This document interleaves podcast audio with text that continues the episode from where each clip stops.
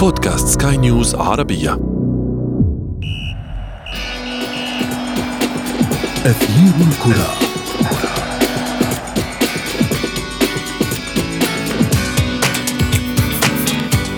يأتي من بعيد ليثبت أنه أقرب مما تتصور عن منصات التتويج. يفاجئك بفنياته ولا تدري من أين جاء بها. بعد أن اختفى عن الأنظار لسنين يعتقد البعض أنه ضعيف. ويتوقع أن يكون الخاسر قبل المواجهة ولكن فيما بعدها يصدم الجميع بشكله وموهبته ويستمر على هذا النهج طوال موسم حتى يليق به لقب الحصان الأسود. ونحن في أثير الكرة نتعرف على أبرز المرشحين وأكثر من ذلك بكثير. معي أنا شذى حداد والبداية من العناوين. أندية صغيرة تلعب دور البطولة في موسم كورونا فمن الأقرب لتهديد عرش الكبار؟ السوبر لقب مهم يمول صاحبه بجرعة معنويات مطلوبة لكنه اختلف باختلاف الظروف. وفي فقرة ما لا تعرفونه عن كرة القدم نكشف لكم كيف يغرد ميسي خارج السرب على إنستغرام. أثير الكرة. أهلا ومرحبا بكم مستمعينا الأعزاء في حلقة جديدة من أثير الكرة. تتميز لعبة كرة القدم بالمفاجآت. فهي العنصر التي آه الذي يحمسنا جميعا ويقدم لنا متعة مختلفة. ومن بين هذه المفاجآت تلك التي تقدمها الفرق التي تحتل وسط الجدول أو ربما تأتي من ذيل الجدول.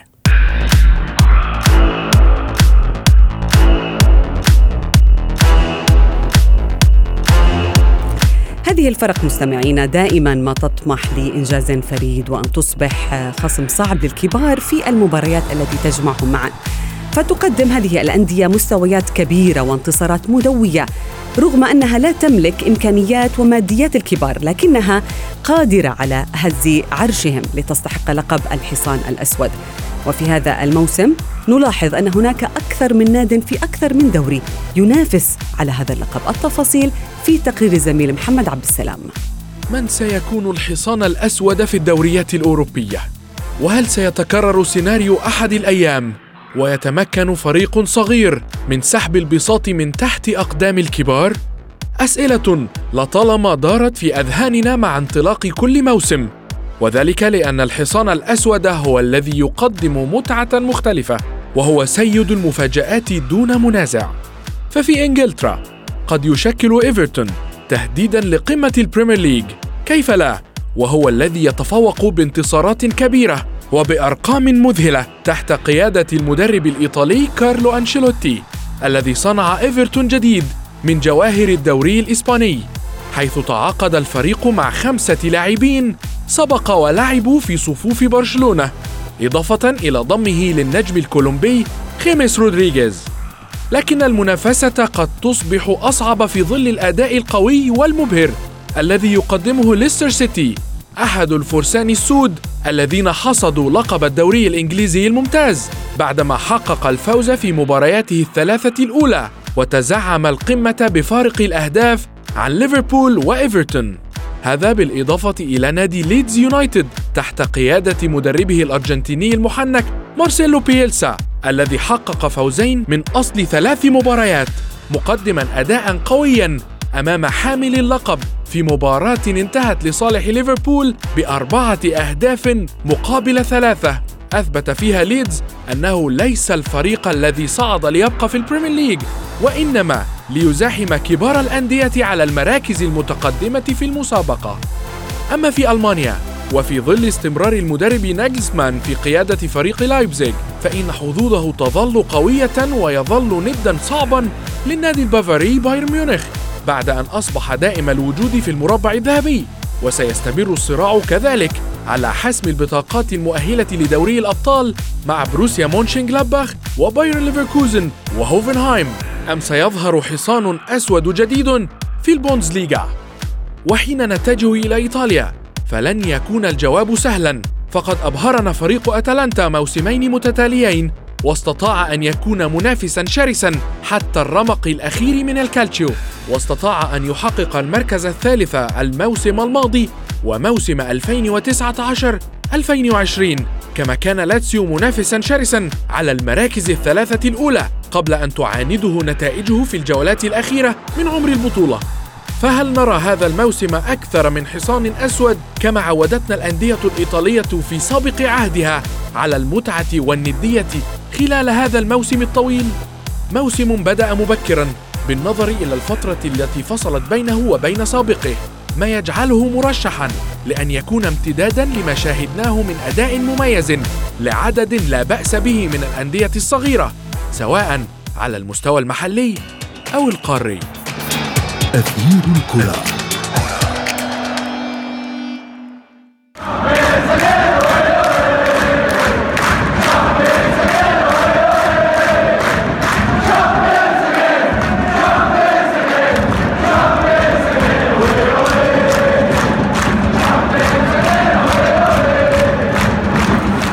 ومرحبا بكم مستمعينا الكرام في أثير الكرة. في الدوريات الكبرى ظهر عدد من الفرق التي بالفعل تنافس بقوة على ساحة الإنجازات ولكن بعض هذه الأندية جاء من بعيد بحلة جديدة وتحدي جديد. مثلا في الدوري الإنجليزي الممتاز نشاهد إيفرتون. ينتصر في كل مبارياته وبنتائج كبيرة. أيضا هذا الفريق تأهل للدور بربع النهائي من كأس الرابطة. وهناك أيضا ليستر سيتي الذي لربما ذكرنا في هذا الموسم بموسمه عام 2016 حين تأهل آه، للبريمير ليج وفي نفس الموسم توج باللقب. للحديث أكثر آه، عن هذا الموضوع ينضم إلي من القاهرة الصحفي الرياضي ضياء الدين محمد. ضياء مساء الخير. مساء الخير زميلتي شذا. أهلا بك سعد أوقاتك. ضياء في موسم بالفعل يعني انطلق بسرعة لم يسترح فيه أحد. ما رأيك بما تقدمه هذه الأندية متوسطة الإمكانيات إن صح التعبير؟ ولنبدأ من إنجلترا. آه ربما آه تلاعب المواسم جعل الأندية لا آه تقضي فترة طويلة من الغياب عن التدريبات ومن الغياب عن المباريات ولذلك أدى هذا إلى بعض الانسجام. أو إلى مزيد من الانسجام لا نقول بعض الانسجام. آه التلاحق والتوالي آه لم يجعل اللاعبين يحصلون على فترة الراحة آه السلبيه أو أو المعتادة في نهاية كل موسم. فما زالت هذه يمكننا أن نصفها بشدة الموسم الماضي. آه اللاعبون ما زالوا في في مود المنافسة ما زالوا في مود المباريات. هم لم يتوقفوا عن التدريبات لفترة لم يتوقفوا عن لعب المباريات لفترة لم يتوقفوا عن التجمعات والمعسكرات لفترة. فلذلك ما زال البدن والذهن آه، في حالة الاستنفار التي كانوا عليها الموسم الماضي. هذا الأمر اعتدنا عليه في الأندية الكبيرة. ولكن إذا ما تحدثنا عن الأندية في وسط الجدول أو الأندية التي لربما تنافس على المربع أو قريبة من المربع الذهبي أحيانا هل تملك نفس طويل؟ هل إذا ما بدأت بقوة تستمر بقوة؟ هناك نظرية تحدث عنها ارسن فينجر من قبل في كتابه آه، آه، يقول فيها أن آه، الأندية الصغيرة أو المتوسطة دائما ما تبدأ الموسم بقوة عكس الأندية الكبيرة. والسبب في هذا من وجهة نظر البروفيسور الفرنسي أن الأندية الصغيرة لا تبرم الكثير من الصفقات. هم فقط يضيفون عنصر أو عنصرين فبالتالي يصبح ال ال الانسجام أكبر من الفريق الكبير الذي يضم آه، آه، خمس أو ست لاعبين. آه ولكن هل معدلات اللياقة هل الخبرة هل الإعداد الذهني سيجعل هذا الفريق يكمل؟ هنا هنا يظهر الميزة التي تميز الفرق الكبيرة. ولكن هل ينطبق هذا الأمر على إيفرتون مثلا الفريق بقيادته الإيطالية الجديدة أبرم العديد من الصفقات وكأنه جلب جواهر برشلونة وريال مدريد وانسجمت بسرعة كبيرة حتى حقق الفريق بدأ بثنائية ثم ثلاثية ورباعية وخماسية. يعني ممكن أن يشاهد انتصارات أكبر لهذا الفريق. زميلي شاذة كما قلت لك هو اللاعبون آه، لم آه، ينفصلوا عن عن مجهود الموسم الماضي ولم ينفصلوا عن آه، حال الإعداد النفسي والبدني والذهني للموسم الماضي. فما زالت فبهذا ما زال الأمر أو ما زال الأداء مستمر على نفس المنوال. ولكن إيفرتون بشكل عام هو هو لا يعد من الأحصنة السوداء في آه، الكرة الأوروبية. إيفرتون بالفعل فريق كبير. إيفرتون بالفعل في كل موسم يكون من المنافسين ال ال ال الأكثر قوة. للفرق الكبيرة. إيفرتون فريق ليس بالفريق الصغير جماهيرية كبيرة يجيد إبرام الصفقات ينافس على بطولة أو بطولتين في خلال الموسم. بالطبع لا أقول الدوري ولكن هناك كأس كاراباو هناك كأس الاتحاد الإنجليزي. إيفرتون لا لا ينطبق عليه وصف الحصان الأسود. لماذا؟ آه رغم أنه اختلف في هذا الموسم عن المواسم السابقة يعني. آه هو فريق هو فريق كبير يظل فريق كبير في إنجلترا آه قد قد يعني ينهار في موسم أو يكون مستواه آه، سيء في موسم ولكنه يستفيق سريعا في الموسم ال ال الذي يليه. آه، كما إنه دائما دائما محط أنظار الجماهير ودائما محط ثقة الجماهير.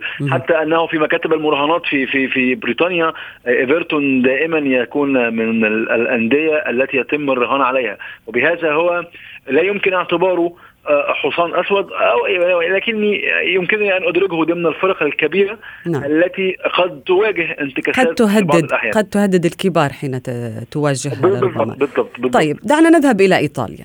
أتلانتا للموسم الثالث على التوالي. إذا كان إيفرتون أنت تقول بأنه يعني هو آه، انهار في موسم أو موسمين ولكنه تفوق. لا يعني أنه الحصان الأسود ولكن ماذا عن أتلانتا للموسم الثالث على التوالي يشكل هذا الفريق رعب للأندية الكبيرة. يعني الموسم الماضي إذا ما تذكرنا شكل خط هجومي خطير ربما كان أكثر الأندية تهديدا.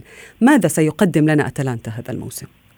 أتلانتا آه، منذ ثلاث سنوات وهو آه، يسير وفق مشروع. الفريق آه، يعتمد على مجموعة من اللاعبين باتوا هم الأفضل في إيطاليا. معه المدرب جيان جاسبريني هو مدرب مخضرم مدرب سبق له تدريب أندية كبيرة مثل الإنتر وأندية في وسط الجدول مثل باليرمو وجنوة فهو وجد نفسه ووجد الكيمياء الخاصة به آه، مع أتلانتا. كما أن أتلانتا آه، آه، يمتاز أيضا بخطة لعب وبأسلوب لعب غير معتاد بقى نوعا ما في أوروبا حيث أنه يلعب دائما بخطة ثلاثة ثلاثة أربعة ثلاثة أو ثلاثة خمسة واحد. فهذه الخطة تكون نوعا ما غريبة على الأندية في أوروبا ولا يعني في الدوري الإيطالي. على الكالتشو تحديدا لربما. آه, آه, آه على سبيل المثال في الدوري الإيطالي لا لا أحد يلعب بثلاثة في خط الدفاع سوى أتلانتا ولاتسيو يعني الجميع يلجأ إلى رباعي خط الدفاع. كما أنه وجد وجد في زاباتا ووجد في إليتش ووجد في جوميز وجد عناصر قوية تمكنه من المنافسة للموسم الثالث على التوالي ومع انسجام آه، هؤلاء اللاعبين وعدم خروج آه، العديد من اللاعبين خارج القوام الأساسي للفريق نعم. واستخدام صفقات في حدود المسموح بدون شك أتلانتا يصبح من أقوى فرق في إيطاليا. نعم من القاهرة الصحفي الرياضي ضياء الدين محمد شكرا جزيلا لك.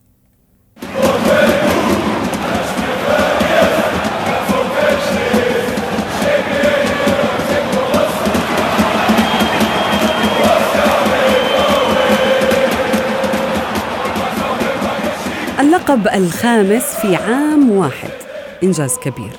بايرن ميونخ يفوز بالسوبر الألماني على حساب بروسيا دورتموند. ولكن لقب السوبر عندما نقول السوبر لربما لا يحظى باهتمام الكثيرين منا ولكنه بطولة مهمة وقد تغيرت كثيرا مستمعين الكرام في العقد الحالي من الزمن سواء في ألمانيا أو حتى في أوروبا بأسرها، للحديث عن هذه البطولة أهميتها. لربما المعنوية أو المادية ينضم إلي من دبي الصحفي الرياضي محمد الحتو، محمد مساء الخير. مساء الخير لك شذا ولكل المستمعين. أهلا بك. محمد السوبر، يعني عادة يجمع آه، الغريم بالغريم. يعني المتنافسين دائما أو القويين دائما في آه، في دوري أو في دولة معينة. فالفوز فيه أيضا يرفع المعنويات ويقدم أيضا لمحة عن المتنافسين عن هذا الموسم. ولكن كلقب ما أكثر شيء يميز السوبر في أوروبا؟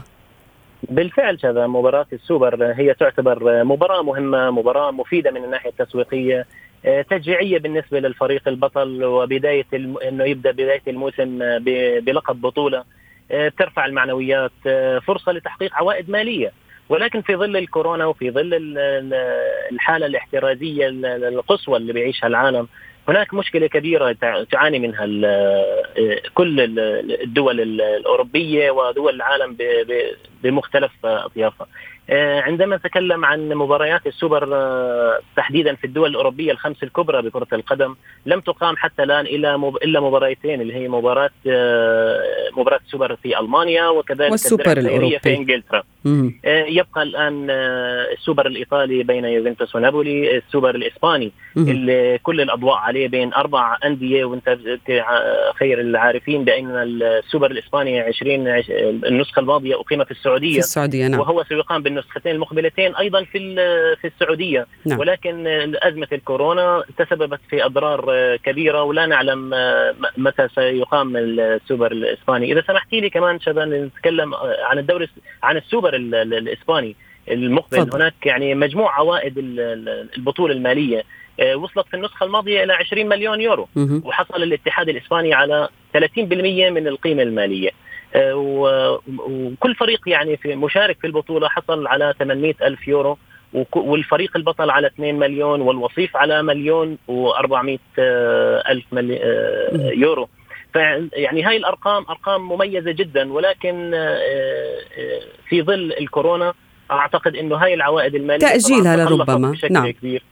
صحيح هناك تقارير يعني تتكلم إنه البطولة مقررة في الفترة من 13 أو إلى 17 يناير 2021 وبمشاركه ريال مدريد وبرشلونة وأتلتيكو بالباو وريال سوسيداد ولكن للأسف حتى الآن لا نعرف ما مصير هذه البطولة. طيب دعنا نتحدث من الناحية المعنوية محمد. يعني مثلا بايرن ميونخ فاز أو يعني هو تخصص سوبر الموسم الحالي فاز بالسوبر الأوروبي وأيضا على دورتموند بالسوبر المحلي. أن تفوز على الغريم هي ك يعني كمية معنويات كبيرة ممكن أن تقدم للبطل في حالة بايرن ميونخ هل يحتاج إلى المزيد من المعنويات؟ بايرن ميونخ يعني فريق متعطش للبطولات ودائما الجماهير لا تنظر إلى الكلاسيكوهات تحديدا بأنها آه، بطولة بقدر ما هي آه، آه، بقدر ما هو مطالب بأنه يكسب خصمه وغريمه التقليدي وكما تفضلتي أنت كمان بالنسبة لدورتموند دورتموند. يعتبر غريم تقليدي لبايرن ميونخ.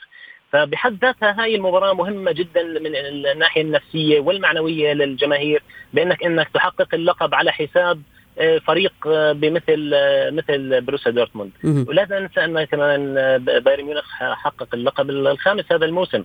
فهي بحد ذاتها دفعة معنوية دفعة معنوية هائلة جدا للمستقبل.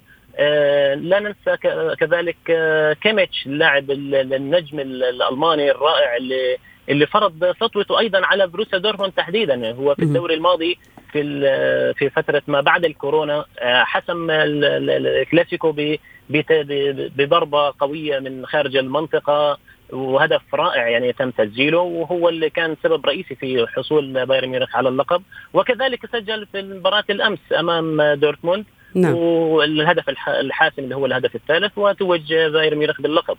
في بعض الإحصائيات هناك يا محمد بأنه أحيانا السوبر يفوز في بطل الدوري أكثر بعشرين مرة من بطل الكأس يعني هل هناك سبب لذلك أو هل بطل الدوري يكون هو يدخل الموسم بطريقة أقوى من من الوصيف مثلا؟ أعتقد إنه دائما من يدخل هو حامل لقب الدوري هو الأنجح وهو الأقدر وهو الفريق الأقوى لأنه بطولة الدوري هي اللي بتفرز الفرق القوية والفرق المكتملة. الأقرب إلى النضج التكتيكي صاحبة الإمكانات الهائلة. في المقابل بطل الكأس آه، هي بطولة تحتمل المفاجآت وبالتالي قد يصل إلى النهائي فريق آه، متواضع أو فريق مغمور. آه، ولكن في حالة بروسيا دورتموند والبايرن ميونخ يعني بروسيا دورتموند هو فريق كبير وفريق عريق لكن شاءت إنه وصل فريقين كبيرين وغريمين للمباراة النهائيه لمباراة السوبر نعم. وهي بحد ذاتها يعني مكسب بالنهاية للجماهير. من هي من هو أو ما هي البطولة السوبر الأقوى برأيك؟ هل هي التي تقام في إسبانيا، إيطاليا، آه، ألمانيا، فرنسا؟ برأيك من هي الأجمل؟ كونها تعتبر لربما نسخة مصغرة عن الكلاسيكو الذي يقام في الدوريات. صحيح. أعتقد إنه دائما الطرفين اللي بيكونوا هم غريمين آه، وبيكونوا قطبين في بلادهم آه، هي السوبر الأقوى بغض النظر عن أي دوري. يعني عند آه، المباراة المقبلة للسوبر عفوا السوبر الفرنسي ما بين باريس سان جيرمان ومارسيليا له ممهدات. إحنا لاحظنا وتابعنا العقوبات اللي صدرت من الرابطه الفرنسية ضد نيمار وضد ألفارو في في باريس سان جيرمان ومارسيليا. هم فلتوا اليوم من العقوبة ولكن البطاقات الحمراء والكلاسيكو المشتعل وحالة التوتر الكبيرة اللي كانت في مباراة الدوري كل ذلك يمهد لمباراة قوية جدا في مباراة السوبر الفرنسي. على الرغم من أنه البطولات الكبرى الأخرى هي أقوى من الكرة الفرنسية. نعم. آه كذلك أضيف إلى كلامك يعني وبأكد صحة آه كلامك اللي هي مباراة السوبر الإسباني. مباراة السوبر الإسباني هي عبارة عن كانت بالماضي مباراة ولكن تحولت إلى بطولة بحد ذاتها من أربع فرق. نعم. وبالتالي هي بطولة مصغرة أشبه ب يعني بدوري مصغر. فبالتالي كانت محتكرة على AC ميلان وال وال والإنتر ولكن توسعت هذه اللي يصنع قيمة قيمة للبطولة. نعم نعم. شكرا جزيلا لك محمد الحاتو من دبي. شكرا جزيلا لك.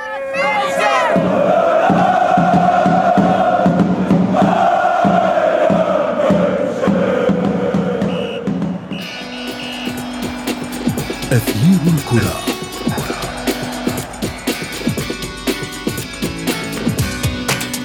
وصلنا وإياكم مستمعينا الكرام إلى فقرة ما لا تعرفونه عن كرة القدم ونكشف لكم كيف تستمر المقارنة بين ميسي ورونالدو حتى وصلت في يومنا هذا إلى إنستغرام. هذه المنصة وكغيرها من وسائل التواصل الاجتماعي هي مكسب لهؤلاء النجوم لتحقيق أرباح خيالية ولكن خارج المستطيل الأخضر. مستمعينا كريستيانو رونالدو يملك متابعين أكثر من الأرجنتيني ليونيل ميسي ولكن الأخير ميسي يحقق أرباح أكبر على هذه المنصة الاجتماعية حتى أن البرغوث هو أكثر الرياضيين حصدا للأرباح في فئة العلامات التجارية عبر تطبيق الصور الشهير. ويأتي بعده دون رونالدو ومن ثم نجم كرة السلة الأمريكي ليبرون جيمس. جاء ذلك طبعا وفقا لدراسة لشركة نيلسون المتخصصة في مجال الأبحاث التسويقية واستندت هذه الدراسة على تحليل حسابات 6000 رياضي من 21 رياضة مختلفة والتي طبعا منحت ميسي تفوقا طفيفا على حساب رونالدو. الذي يملك 238 مليون متابع بينما يتابع ميسي 167 و67 شخصا على إنستغرام. وصلنا وإياكم مستمعينا الكرام إلى صافرة النهاية من أثير الكرة. انتظرونا يوم الاثنين المقبل. كنت معكم أنا شذى حداد. إلى اللقاء. أثير الكرة.